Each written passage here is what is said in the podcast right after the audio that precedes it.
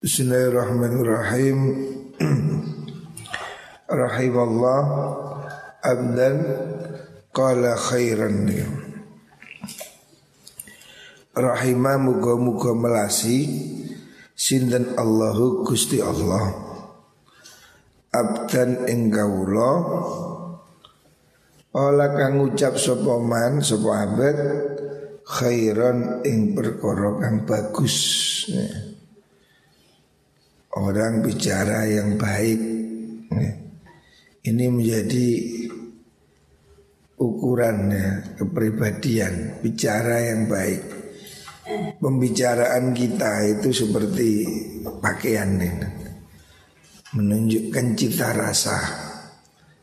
Orang kalau ucapannya bagus ya berarti dia memang menunjukkan karakter cita rasa hidup yang bagus dan itu akan dirahmati oleh Gusti Allah.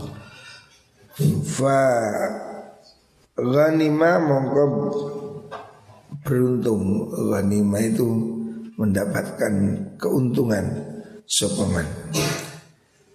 Ausaka tahu tahu menang sopaman ansuin saking perkara Allah fasalima mungko selamat sopoman. Kalau mau bicara, bicaralah yang benar, yang bagus. Kalau tidak, lebih baik diam ya. Jadi bicara sesuai yang dibutuhkan. Diam juga begitu. Kalau memang kamu tidak bisa berbicara baik, lebih baik diam. Diam itu keselamatan. Banyak orang bermasalah gara-gara ucapan. Selanjutnya kala Rasulullah sallallahu alaihi wasallam rahimallahu man hafidha lisanahu. Rahimah muga-muga melasi sinten Allahu Gusti Allah. Semoga diberikan rahmat oleh Allah. Ya didoakan oleh Nabi. Siapa? Man. Rahimah man ing wong. Hafidha kang reksa sapa lisanahu ing lisane man. Pertama hendaknya orang itu menjaga lisan yang kedua wa arafa lan ngerti sapa wong zamanahu ing zamane man. Ngerti zaman. Orang ini hidup pada masa yang harus dia bisa menyesuaikan, mengadaptasikan. Zaman ini berbeda dengan abad yang telah lewat. Makanya orang harus mengerti situasi. Berbuat sesuai hal yang pantas Wastaqomat lan jejek opo tariqatuhu? Dalaniman Artinya hadis ini Rasulullah Shallallahu Alaihi Wasallam menganjurkan ya sampai didoakan oleh Nabi menganjurkan yang pertama hendaknya orang itu bisa menjaga lesan. Yang kedua mengerti zaman. Maksudnya mengerti zaman ya adaptasi ya. Bukan berarti menjadi jelek Tapi dia bisa menyesuaikan keadaan untuk menjadi yang terbaik. Dakwahnya dakwah zaman dulu mungkin beda dengan zaman sekarang. Dia harus ngerti situasi, harus peka zaman. Tetapi bukan berarti harus ikut-ikutan apa kejahatan bukan. Mengerti zaman ya bertindak sesuai dengan keadaan pada saat itu. Hadis Urwah Dailami. Selanjutnya Rasulullah Shallallahu Alaihi Wasallam bersabda, "Ragima anfurajulin." Ragima kerumpung. Kerumpung itu maksudnya celaka. Orang Arab mengatakan ketidakberuntungan itu dengan kerumpung hidungnya patah. Sebab orang ini kelihatan ganteng. Orang ini kelihatan bagus kalau hidungnya utuh. Walaupun cuantik hidungnya pesek mesti kan menurun cantiknya. Atau cuantik hidungnya jungkel cuklek ya jelek ya. Makanya Nabi mengatakan rogima anfurojulin Rogima gerumpung opo anfurojulin irunge wong suci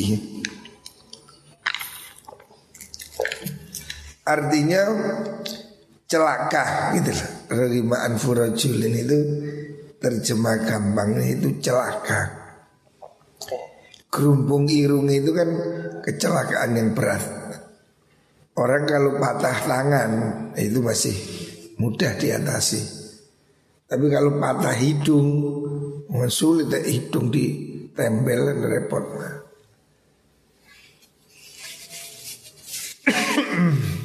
Artinya akan menjadi celaka, ngatalah kerumpung orang seseorang itu akan menjadi celaka. Kenapa? Zukir tukang den sebut ingsun indahu ono ngersane man. Terus falam yusolli mongko ora mojo solawat. ora mojo solawat alaiya ingatasi ingsun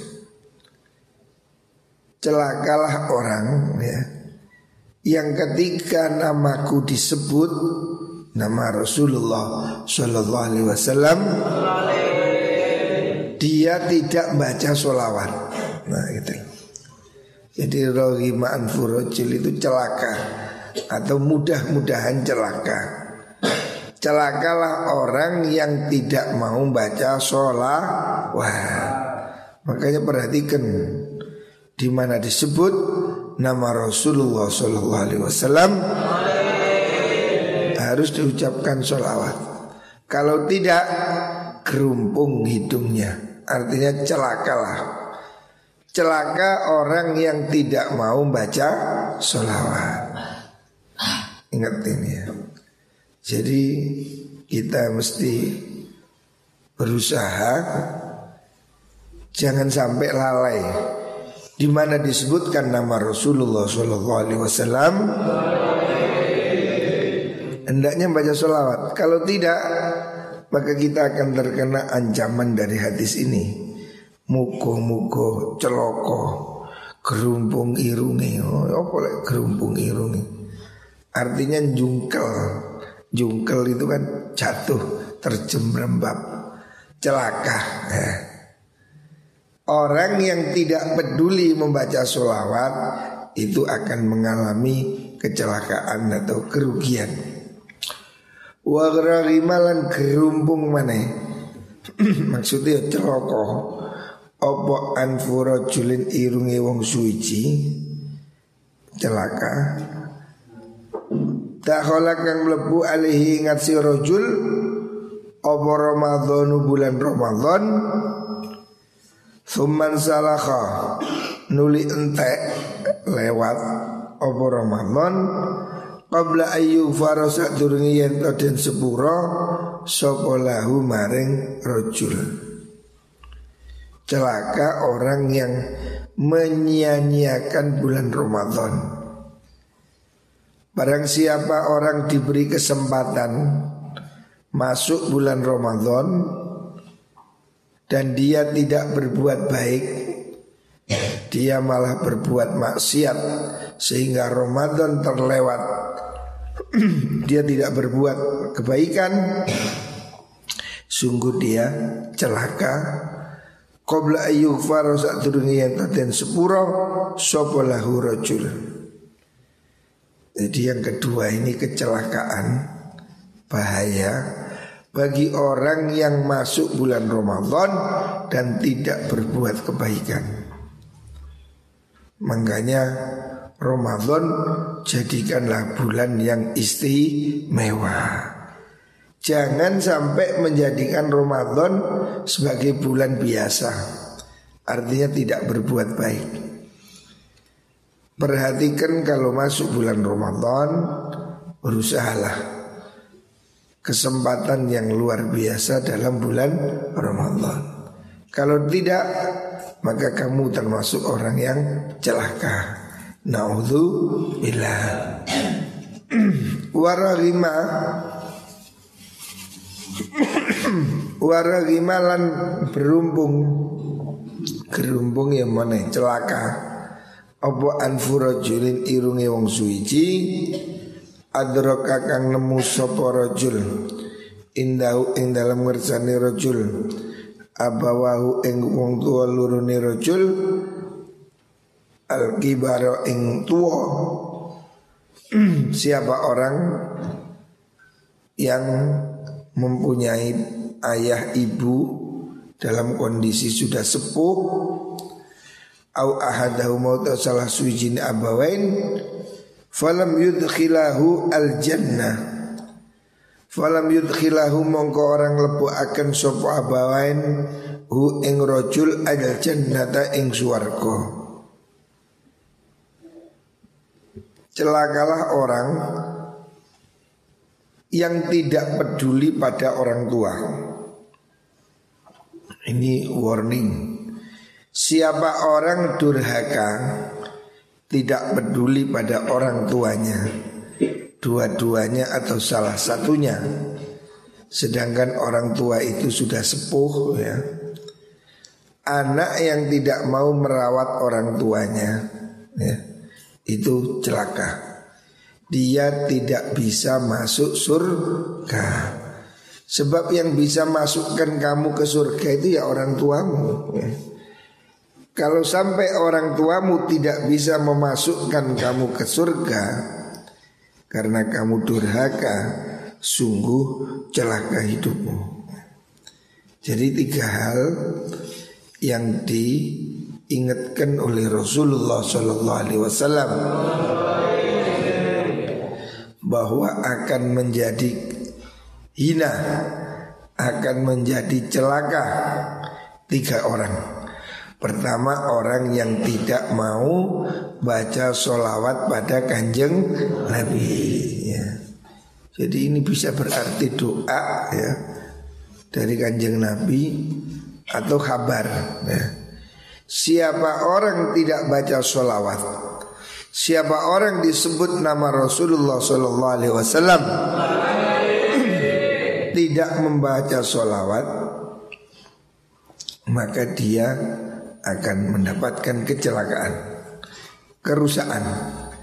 Yang kedua orang yang tidak berbuat baik di bulan Ramadan. Yang ketiga orang yang tidak berbuat baik pada orang tua. Terutama ketika mereka sudah sepuh.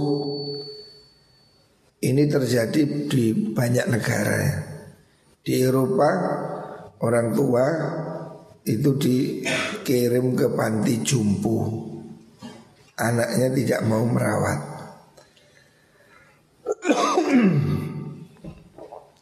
Banyak anak yang tidak mau susah payah merawat orang tua. Sehingga orang tuanya dirawat oleh pembantu. Ini yang kita sedih. Harusnya ya kita ya kalau tidak bisa ya kita harus berusaha bagaimana untuk tetap berbakti pada orang tua. Tetapi jangan ada sikap tidak peduli kepada orang tua. Apalagi dia sepuh. Siapa orang mempunyai bapak ibu atau salah satunya dan dia tidak pedulikan mereka dalam keadaan lemah, maka hilanglah kesempatan dia masuk surga. Naudzu bila ini harus diperhatikan. Rawahul Hakim. Selanjutnya kala Rasulullah sallallahu alaihi wasallam Rok'atani bisiwakin Rok'atani utai sholat rong rokaat Bisiwakin kelawan siwakan Iku afdolu luwe utomo Min sab'ina saking pitung bulu Apa nih rok'atan rokaati Bigairi siwakin kelawan tanpa siwakan Sholat pakai siwak Dengan tidak pakai siwak Itu selisih 70 kali derajat ya. Makanya ini sunnah yang jangan diremehkan ya. Banyak orang yang sudah tidak pakai siwakan ini Padahal siwakan ini bisa dilakukan walaupun tidak memakai kayu arak ya, kayu siwak. Siwak kan boleh pakai tisu begini boleh ya. Jadi kamu sebelum sholat perhatikan. Hmm. Boleh pakai baju, tapi untuk kuning ya bahaya. Atau pakai sorban bisa. Atau pakai kayu arak, itu kayu siwak, itu lebih bagus. Kayu siwak itu memang sudah terbukti hari ini memang ada banyak khasiatnya. Kalau tidak bisa ya pakai tisu begini ya, atau pakai kain, atau pakai serban. Kalau mau sholat siwakan dulu. Ini kelihatannya remeh, tapi menurut Rasulullah Sallallahu Alaihi Wasallam 70 kali lipat sholat dengan siwak lebih bagus dibanding sholat tanpa siwak. Makanya ini sunnah. Wadakwatun utawi pendungo Fisiri ing dalam tingkah siri Maksudnya doa Tidak terang-terangan Di dalam hati Menyendiri Iku afdolul utama min sab'ina saking pitung puluh. Apa nih dakwatan tungane fil alaniyati ing dalam tingkah ngedeng ngedeng itu terang-terangan. Jadi doa dalam sepi doa dalam tahajud doa dalam kesendirian 70 kali lipat lebih utama daripada doa terang-terangan. Wa sedaqatun utawi sedekah fi sirri ing dalam tingkah sirri sedekah diem-diem iku afdhalu luwe utama min sab'ina saking 70 apanen sodakotan sodakoi fil alaniyati ing dalam terang-terangan. Di sodako siri intinya ya secara umum sesuatu yang dilakukan secara diam-diam maksudnya dengan penuh keikhlasan ya sendiri dalam sepi itu lebih bagus daripada yang di depan orang lain. Sebab kadar ikhlasnya ini lebih tinggi. Tetapi bukan berarti tidak boleh sodako di depan orang ya boleh-boleh saja. Tapi sodako siri Doa secara siri Itu lebih Lebih utama Dibanding yang terang-terangan Karena di situ tidak ada riak ya. Tidak ada pamer. Doakan kita saling doakan Dalam sepi Saling mendoakan. Itu jauh lebih bagus. Hadis riwayat Imam Ibnu Najjar. Selanjutnya kala Rasulullah sallallahu alaihi wasallam Rok'atani utai sholat rong rokaat yarka'uhuma kang nglakoni salat rukuk maksudnya nglakoni salat ha ing rakatain sapa ibnu adam anak adam. Fi jawfil laili ing dalem tengah wengi salat dilakukan tahajud di waktu sepi di malam hari. Iku khairun luwe bagus lahu kedua ibnu adam minat dunia timbang sangking dunyo wa malan perkara fiha kang tetep ing dalam dunyo tahajud sendiri malam hari bangun sholat itu nilainya lebih bagus dari dunia dan isinya. Wamalan perkara fiha kang tetep ing dalam dunia. Walaula an asyqa Lamun ora yen to gawe abot ingsun ala ummati ing atasi umat ingsun La tuhuma Yakti dati akan fardu ingsun Huma ing atain Alaihim ing atasi umat Hampir saja tahajud ini diwajibkan tapi tidak Artinya hukumnya sholat tahajud itu tetap sunnah Tetapi sunnah yang sangat dianjurkan ya. Kita sebisa mungkin ya Berusahalah ya Malam hari sholat tahajud Walaupun cuma dua rakaat ya. Tidak banyak-banyak tapi istiqomah nanti. Walaupun dua rakaat saja. Bangun wudhu sholat sunnah dua rakaat. Apalagi empat apalagi tujuh dan seterusnya. Dua rakaat saja itu sudah hebat. Nah, sholat tahajud ini amalan orang-orang soleh Rasulullah Shallallahu Alaihi Wasallam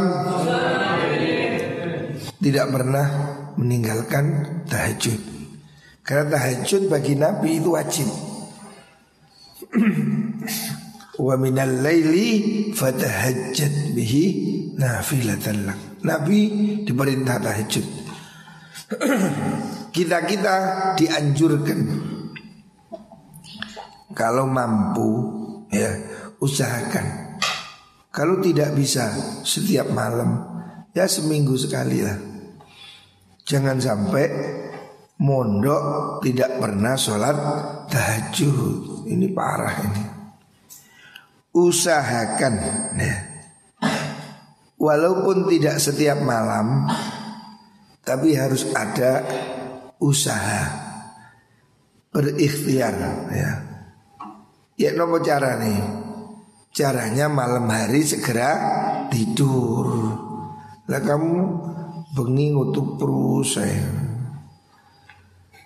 Stop. Jangan ngobrol di waktu malam hari. Bahkan dalam sebuah hadis Rasulullah SAW tidak menyukai ngobrol-ngobrol setelah sholat isya. Kanjeng Nabi menganjurkan setelah Isya itu tidur. Kalau nggak ngaji yo, ngaji dhisik lare mondok ngaji.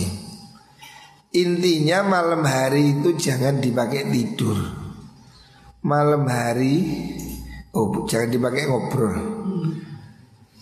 Dan turu supaya pagi hari segera bisa bangun. Ditambah lagi tidur di waktu siang. Siang habis duhur Perhatikan. Kalau kamu mondok di sini kan habis duhur selesai tidur. Gak usah ngeluyur ya. Gunakan waktu setelah duhur itu istirahat. Walaupun sejenak 30 menit tidur siang. Tidur siang ini termasuk hal yang bisa mendukung kamu sholat malam jadi siang dianjurkan tidur. Kalau kamu sudah sepuh sebelum tuh sebelum zuhur tidur. Lek si nom nom ini yo kan sekolah. Habis sekolah jamaah zuhur tidur. Setelah zuhur istirahat. Nah, tidur. Udah jangan ngeluyur apalagi pergi ke kampung tidak usah. Nah. Sebaiknya setelah zuhur itu tidur. Supaya apa? Supaya malam hari kamu bisa bangun. Ini resepnya. Kalau kamu kepingin sholat tahajud, habis zuhur tidurlah.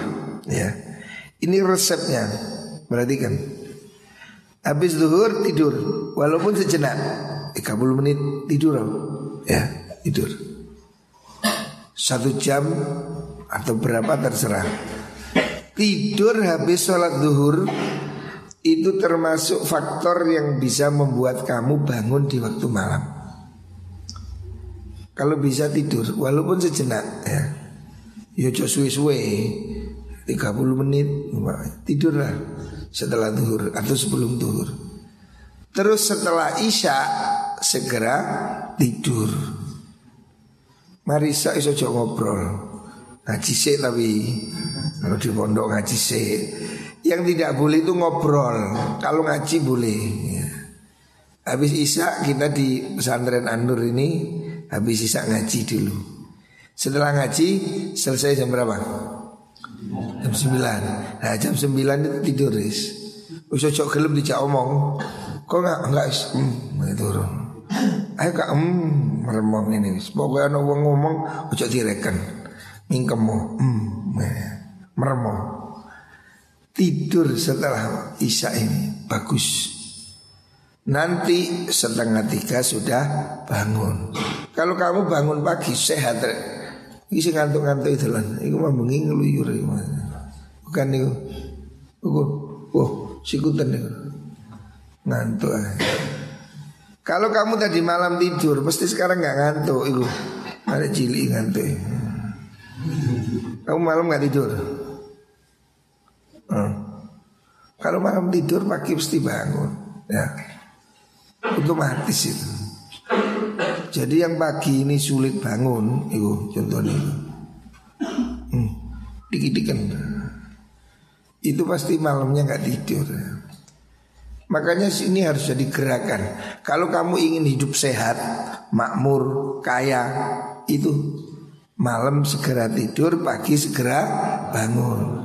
Kalau kamu malam nggak tidur, akhirnya isu gak gelem ngaji ngantuk, baru nyambut gawe ngantuk. Terus sehari-hari kamu akan dalam situasi ngantuk. Kalau kamu malam hari begadang, pasti paginya ngantuk. Nggak jemaah subuh, nggak ngaji, nggak sekolah. Terus sehari-hari nanti hidupmu itu terbawa dalam suasana suntruk apa suntruk itu turu sul nih samsul kok rumah no malam tidur sehingga kamu pagi itu udah nggak perlu sembunyi sembunyi masih ada pagi sembunyi di sana tidur jangan malam tidur singkat tok wis mari ngaji turu ojo ngomong meremo wis pagi bangun ini hidup sehat ya. Usahakan bisa sholat tahajud. Apa pun cita-cita hidupmu seberat apa pun masalahmu selesaikan dengan doa. Mohonlah pada Allah Subhanahu wa taala. Pasti dikabulkan Allah. Setiap malam itu Allah menurunkan malaikatnya. Yanzilu Rabbuna tabaraka wa ta'ala Fi kulli laylatin itunya Setiap malam itu Allah menurunkan rahmat Menurunkan malaikat turun ke bumi ya Fayudati hal mustaghfirin hal mintaib Ada pengumuman dari malaikat Siapa yang mau istighfar Hal min hajatin Siapa yang minta kebutuhan Jadi malam hari itu ada pengumuman Di langit kalau kamu tidur yo gak kerungu. Ya. Makanya usahakan ya. Di pondok ini saya minta kalau tidak bisa setiap malam minimal seminggu sekali lah usahakan ya. Jangan sampai tidak sholat tahajud. Kita bangunkan malam hari keamanan semua bangunkan. Jam 3 minimal semua santri bangunkan. Ya. Kita semua ayo berusaha sholat tahajud. Rawahun Nalar an Hasan bin Atiyah. Selanjutnya kala Rasulullah sallallahu alaihi wasallam Ar-rauhatu utawi budalan isu. Rauha Wal ghudwatu lan budalan Oh keliru kuali Rauhatu budalan sore Wal ghudwatu lan budalan isu. Fisabilillahi ing dalam berjuang. Fisabilillah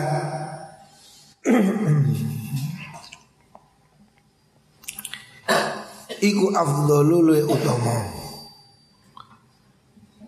Minat dunia timbang sangking dunia. Wa malan perkara fiha kang tetep ing dalem dunia hendaknya kamu itu yang semangat berangkat sore berangkat pagi gitu lah. Jangan menunggu-nunggu besok.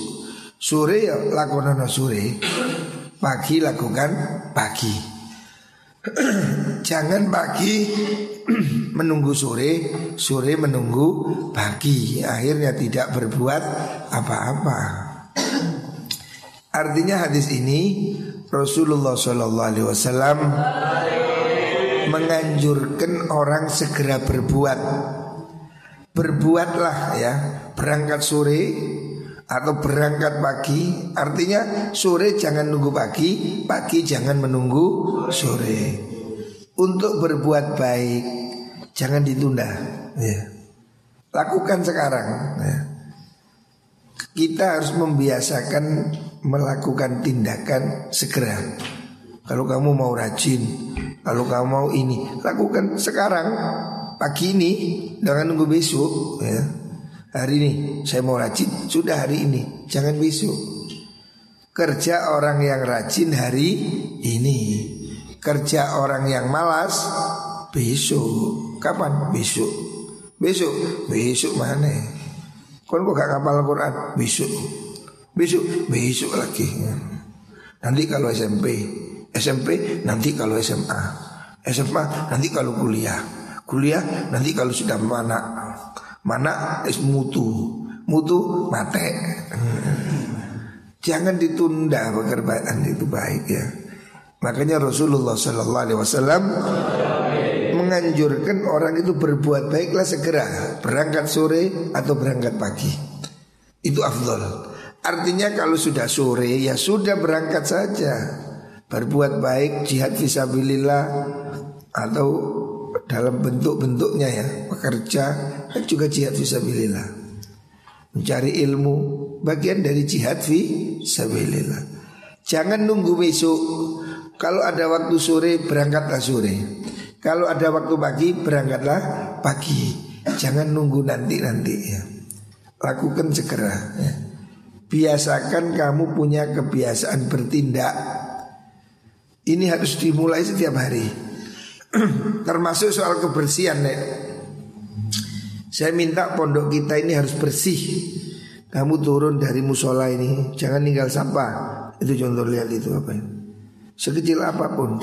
Oh, bungkusnya permen. Ngaji gua permen. bersihkan ya. Jangan nunggu nanti. Sekarang kamu pergi dari musola pagi ini, bersihkan damar Inggirno Biasakan berbuat baik segera Sampah-sampah itu Kalau kamu lihat sampah sekecil apa pun Segera diambil Jangan menunggu besok Lakukan kebaikan itu segera Secepatnya ya. Jangan menunda-nunda waktu. Ini yang harus jadi kebiasaan Komuko kita semua ini termasuk orang-orang yang bisa memanfaatkan waktu. Jangan menunda kebaikan, lakukan secepatnya. Muka-muka ditulungi Allah Subhanahu wa taala.